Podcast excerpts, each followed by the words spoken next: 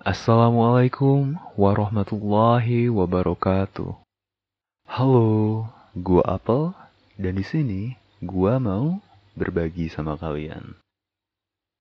Alhamdulillah kita bisa jumpa lagi dengan bulan Ramadan yang penuh dengan kebaikan ini.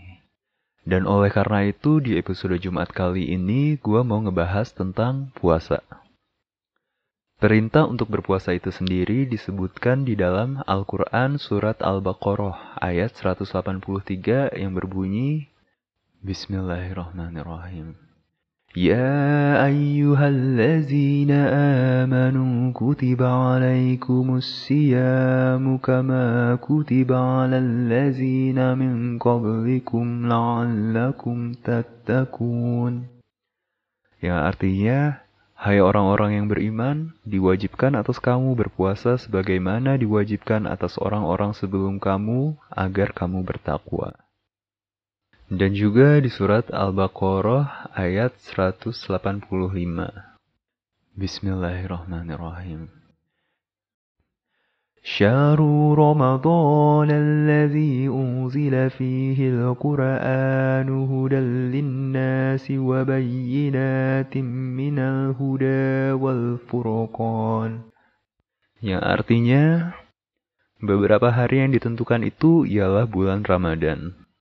Bulan yang di dalamnya diturunkan Al-Quran sebagai petunjuk bagi manusia dan penjelasan-penjelasan mengenai petunjuk itu dan pembeda antara yang hak dan yang batil. Puasa atau saum ini adalah salah satu dari rukun Islam, suatu bentuk ibadah kita kepada Allah Subhanahu wa taala dengan cara menahan diri dari makan dan minum serta segala perbuatan yang bisa membatalkan puasa. Beberapa hal yang mungkin perlu diketahui agar dapat menjadi pemotivasi untuk kita berpuasa Antara lainnya adalah yang pertama, pintu khusus di surga bagi orang-orang yang gemar berpuasa.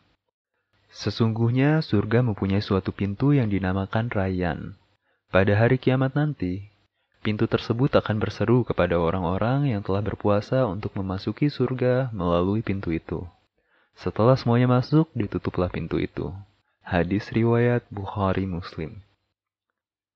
Yang kedua, Allah lah yang langsung menentukan ganjaran orang berpuasa. Orang berpuasa meninggalkan makanannya, minumannya, dan syahwatnya karena aku. Puasa itu milikku dan akulah yang akan memberinya balasan. Hadis Qudsi Yang ketiga, pahala puasa itu bisa tanpa batas.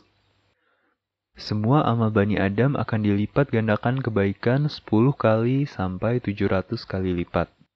Allah Azza wa Jalla berfirman, Kecuali puasa, maka ia untukku dan aku yang akan memberikan pahalanya. Yakni aku akan memberikan pahala yang banyak tanpa menentukan kadarnya.